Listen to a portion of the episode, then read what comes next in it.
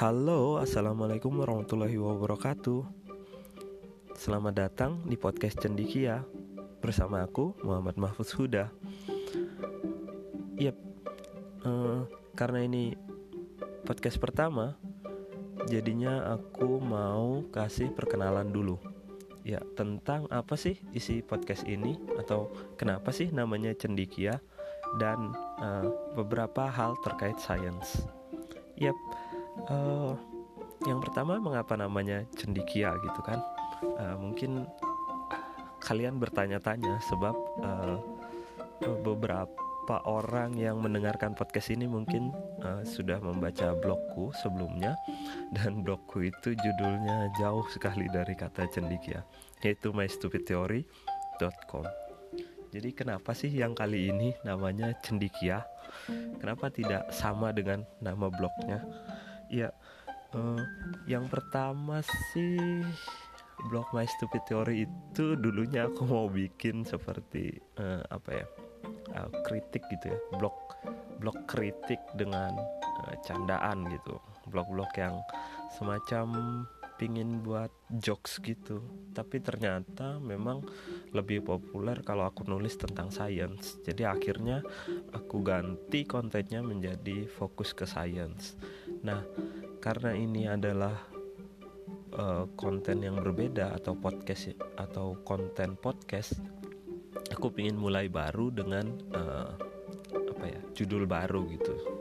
Judulnya adalah cendikia karena harapannya adalah baik saya yang membuat konten maupun teman-teman yang mendengarkan bisa menjadi uh, seorang cendikia atau bisa menjadi cendikiawan atau at least setidaknya berperilaku selayaknya seorang cendikia gitu kan.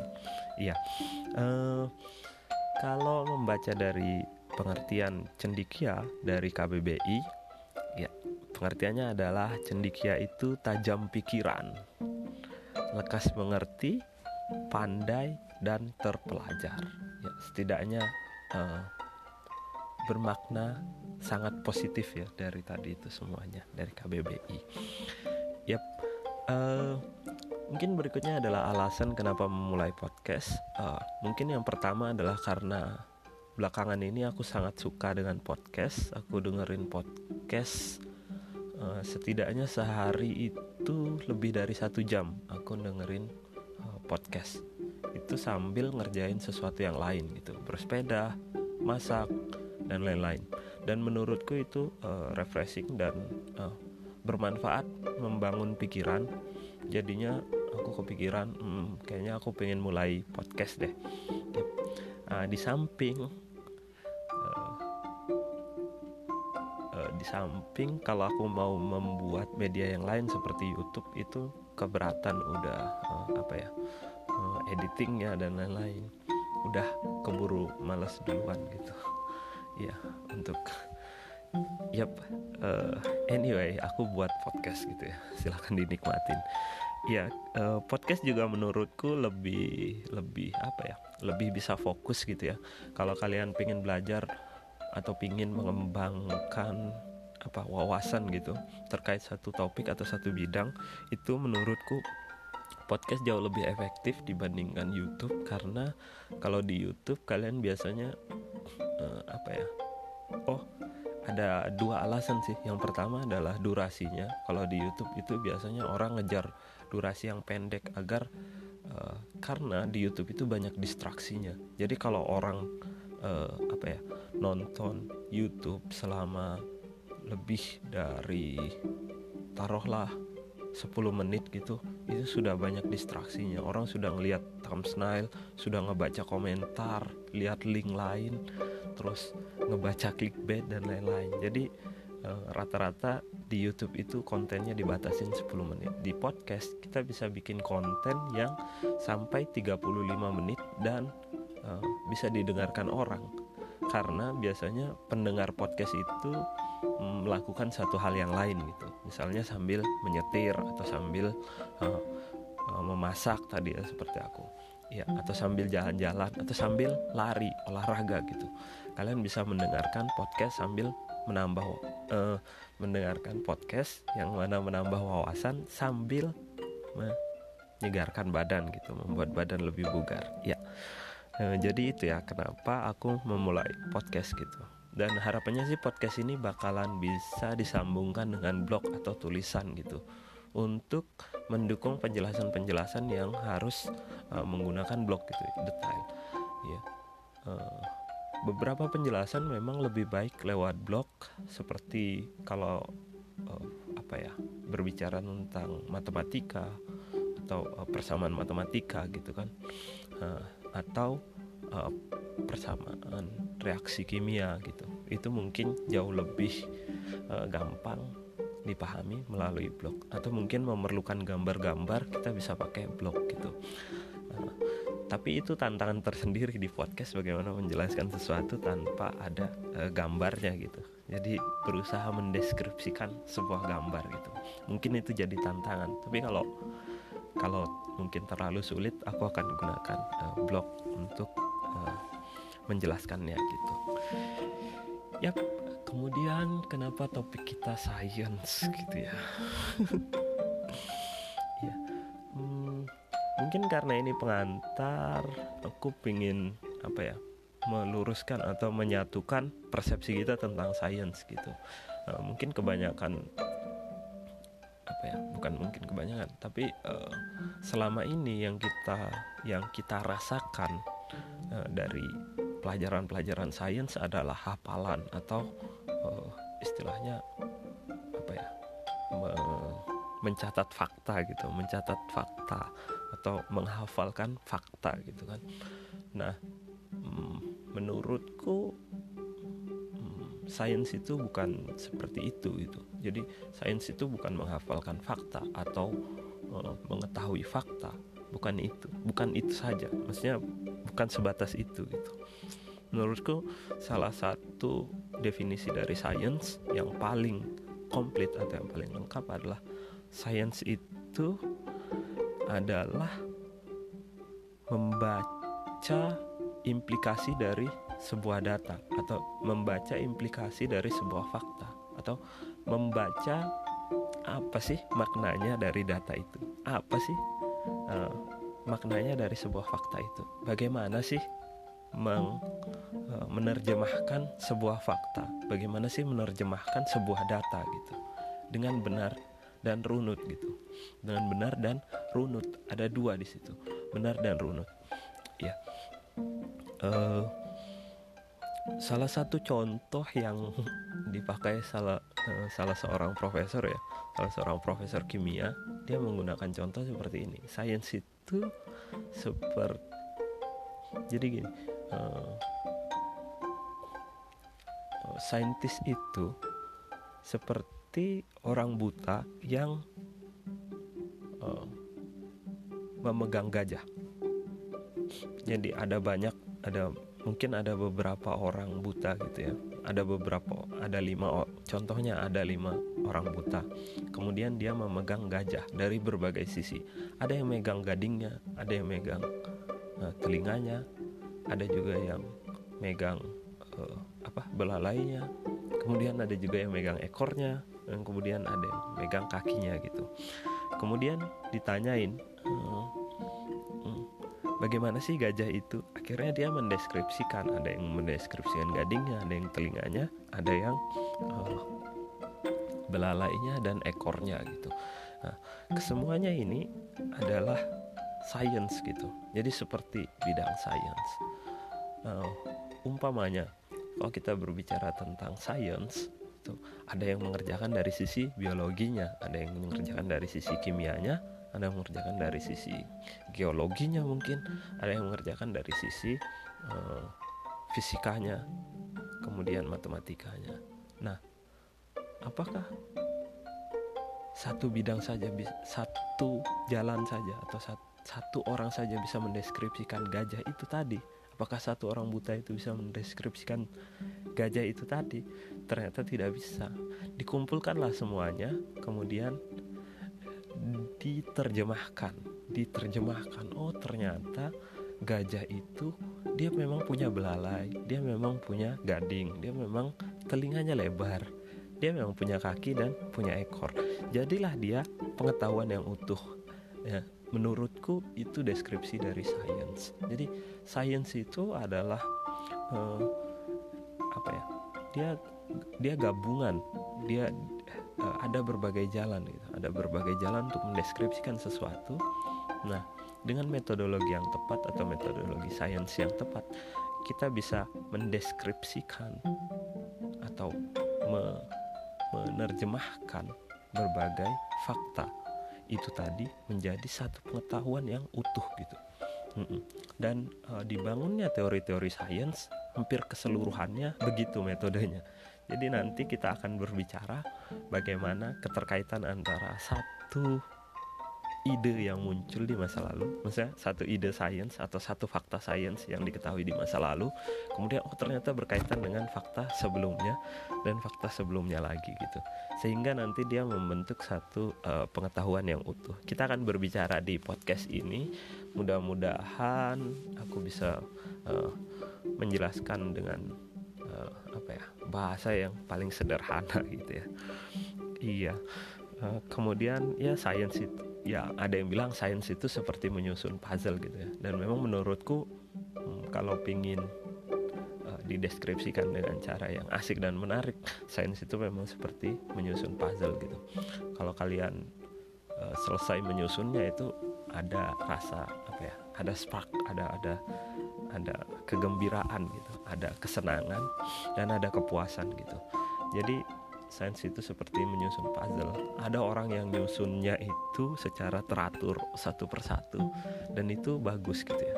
Uh, metodologinya bagus. Jadi satu persatu dari A ke B, B ke C, C ke D. Tapi ada juga orang yang uh, dalam mengembangkan sains dia itu seperti menyusun puzzle tapi dia random gitu. Wah, dipasang aja dulu. Nanti juga cocok cocok. Tahu-tahu cocok gitu kan tahu-tahu jadi dan selesai. Keduanya akan mencapai uh, kesimpulan yang sama dan memiliki kepuasan yang sama-sama memuaskannya menurutku sih ya. Uh, itu juga bagian dari sains jadi hmm, uh, atau seperti detektif yang menyelesaikan satu kasus gitu ya. Ya jadi menyusun fakta-fakta uh, itu kemudian menerjemahkannya diartikan siapa pelakunya gitu kan. Ya menurutku sains uh, itu semenarik itu itu seseru itu. Kita akan berbicara lagi nantinya. Hmm. ya uh, terakhir gitu ya pentingnya sains. Kenapa sih kita perlu bahas sains gitu? Hmm, bahkan aku aku tuh sering ngobrolin tentang sains di meja makan gitu ya. Kayak literally bener-bener di meja makan. Jadi lagi ngomong lagi ngobrol sama temen di uh, tempat makan gitu. Itu biasanya aku aku apa ya tiba-tiba gitu ngomongin tentang satu hal yang ilmiah gitu ya. Ya mungkin menurutku sendiri sih karena seru kali ya. Tapi uh, di sisi lain memang penting gitu ya dan podcast ini aku tujukan harapannya sih apa ya obrolan-obrolan tentang sains itu bisa benar-benar menjadi obrolan di meja makan gitu. Jadi nggak cuma mungkin belakangan kan rame politik hukum kayak gitu. Mungkin nantinya bisa sains gitu yang kalian bawa ke meja makan gitu untuk diobrolkan. Iya. Hmm, pentingnya sains itu mungkin semakin hari semakin terlihat gitu ya. Karena kalau uh, yang baru-baru ini ya terkait virus corona itu baru-baru aja diwawancara uh, apa namanya dalam sebuah wawancara uh, seorang saintis Neil deGrasse Tyson itu mengatakan bahwasanya hmm, sepertinya coronavirus ini adalah ujian. Apakah masyarakat akan mendengarkan pendapat saintis? Atau tidak sama sekali gitu. Kalau semuanya mendengarkan eh, kata-kata dari seorang saintis atau uh, orang yang uh, ber, berkompeten di bidangnya, hmm, maka mungkin kita akan melewati coronavirus ini dengan uh, dengan bagus gitu maksudnya tidak banyak apa ya tidak tidak banyak masalah besar yang terjadi. Atau bisa diartikan uh, dampaknya tidak uh, tidak sangat drastis gitu. Dampaknya bisa dikurangin gitu. Iya. Katanya gitu ya. Katanya gitu. Ya jadi apakah politisi akan mendengarkan kata-kata saintis? Selama ini saintis bilang ah hati-hati global warming. Ah hati-hati uh, kerusakan lingkungan dan lain-lain. Tapi politisi uh, dan masyarakat pada umumnya tidak mendengarkan gitu. Jadi mereka uh, apa namanya politisinya membuat kebijakan yang uh, tidak menguntungkan sains atau uh, masyarakatnya uh, tidak terlalu peduli gitu bagaimana uh, memperlakukan lingkungan. Nah uh, kejadian seperti corona ini apakah akan membuat masyarakat mendengarkan uh, pendapat ahli tentang virus gitu atau tidak gitu kan pertanyaannya. Ya uh, terakhir adalah aku mau bahas tadi ya uh, apa pengertian dari sains itu adalah um, sains itu bukan mengumpulkan data dan fakta tetapi membaca atau menerjemahkan um, sebuah data dan fakta. Uh, implikasi dari data dan fakta itu apa sih? Gitu. Nah, baru-baru ini ramai sekali yang uh, virus corona itu dikatakan oh tenang aja fatality rate-nya corona cuma 3% kok. Hmm, menurutku uh, ini adalah statement yang ini adalah pernyataan yang uh, apa ya? kacau gitu ya. Kacau karena cara membaca data tentang virus itu berbeda dengan cara membaca data tentang toksisitas atau uh, racun gitu ya.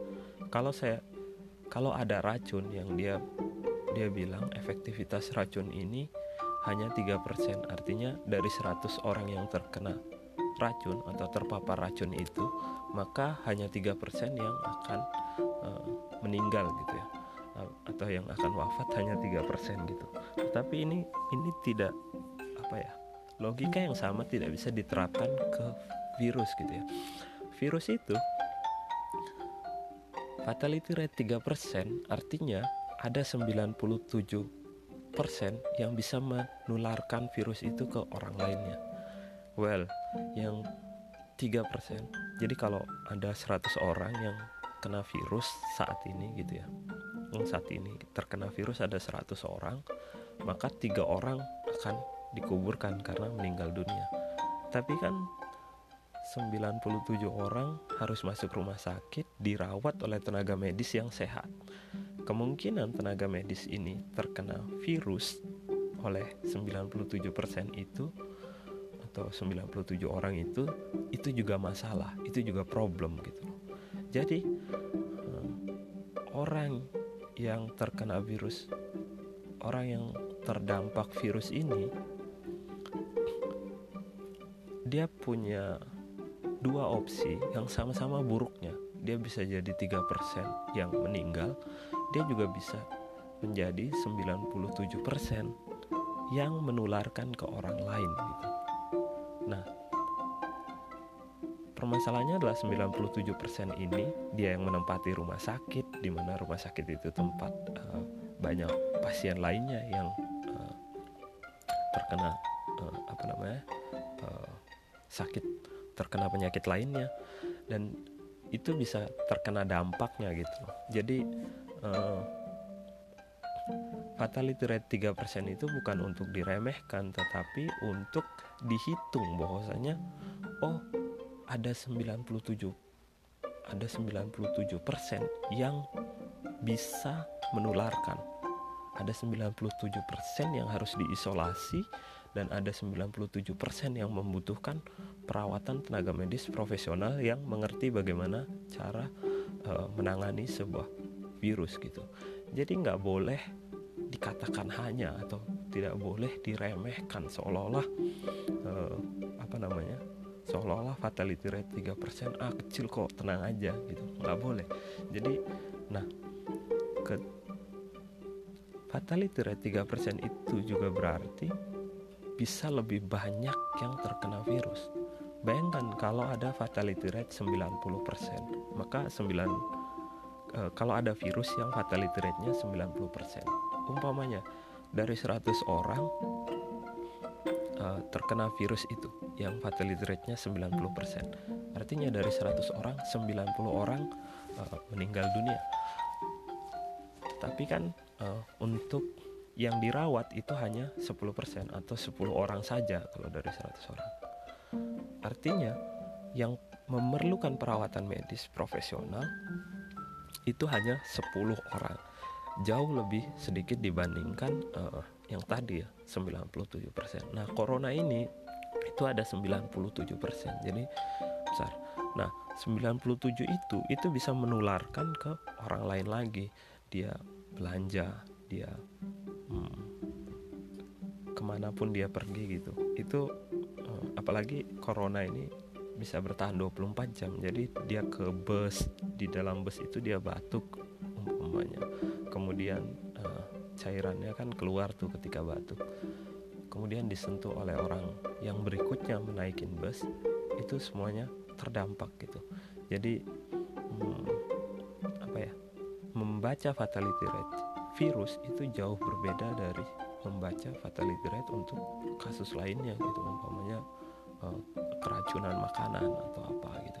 Itu beda karena uh, virus itu yaitu penularannya itu uh, bersifat apa ya bertingkat ya eksponensial kalau bahasa ilmiahnya. Bertingkat. Jadi dia bukan dari satu bukan hanya dari dua menjadi eh gimana ya? Dia bukan hanya dua menjadi empat empat menjadi enam enam menjadi delapan gitu. Dia nggak dia nggak seperti itu. Dia bukan perkalian tapi dia uh, pemangkatan ya pemangkatan. Jadi dari dua bisa menjadi empat kemudian empat bisa menjadi berapa? 16 kemudian 16 bisa menjadi uh, 32 ya seperti itu. Bahkan bisa lebih parah lagi bisa dua pemangkatannya bisa bukan hanya dua pangkat dua tapi dua pangkat empat gitu dua pangkat empat. Kemudian uh, dipangkatkan lagi dengan empat pangkatkan lagi dengan empat. Dia bisa seperti itu gitu. Jadi virus ini uh, problem yang sangat uh, yang cukup rumit ya cukup rumit dan tidak bisa diterjemahkan dengan sederhana. Menurutku uh, di titik itulah pentingnya orang memahami sains pentingnya pesan-pesan para saintis yang mengatakan oh sebaiknya orang mengurangi berkumpul di tempat-tempat yang keramaian gitu. Atau sebaiknya orang mengurangi aktivitas atau uh, social distancing ya yang yang populer belakangan ini. Sebaiknya orang mengurangi berinteraksi dengan uh, orang lain secara langsung kalau online boleh. Jadi ya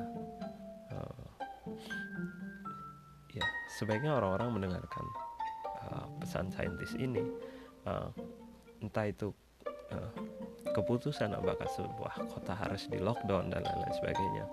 Itu keputusan yang apa ya uh, sifatnya governmental. Jadi sifatnya dari pemerintahan gitu. Nah sedangkan dari diri kita sendiri kita bisa yaitu tadi melakukan yaitu apa namanya social distancing. Jadi uh, tidak perlu berinteraksi secara langsung bisa melalui chat atau message gitu aja. Yap uh, pentingnya sains jadi semakin terasa semakin tahun semakin terasa. Bagaimana dulu kita hmm, uh, dulu sih dulu sih sains itu terlihat sangat penting ketika menemukan lampu, kemudian ketika menemukan listrik dan lain sebagainya. Hingga sekarang ya seperti ini. Ketika kita mengalami masalah publik atau pandemik seperti ini, maka sains terasa begitu pentingnya gitu dan pemahaman masyarakat tentang sains itu uh, tak kalah pentingnya gitu. Yap, uh, mungkin itu saja podcast pertama aku. Kenapa namanya Cendikia? Kemudian kenapa harus podcast dan kenapa berbicara tentang sains. Uh, ke depannya aku akan membahas seputar sains, kemudian implikasinya atau dampaknya bagi kehidupan kita dan uh, yang paling aku pengen bahas sih sejarahnya gitu bagaimana konsep-konsep sains ditemukan itu juga uh, nantinya uh, semoga bisa menarik yap itu dulu podcast kali ini terima kasih sudah mendengarkan podcast cendik ya silahkan kalian ikuti bisa melalui Spotify uh, mungkin bisa melalui Google Podcast juga atau aplikasi sejenisnya. Yep. Uh, terima kasih sudah mendengarkan. Bye bye.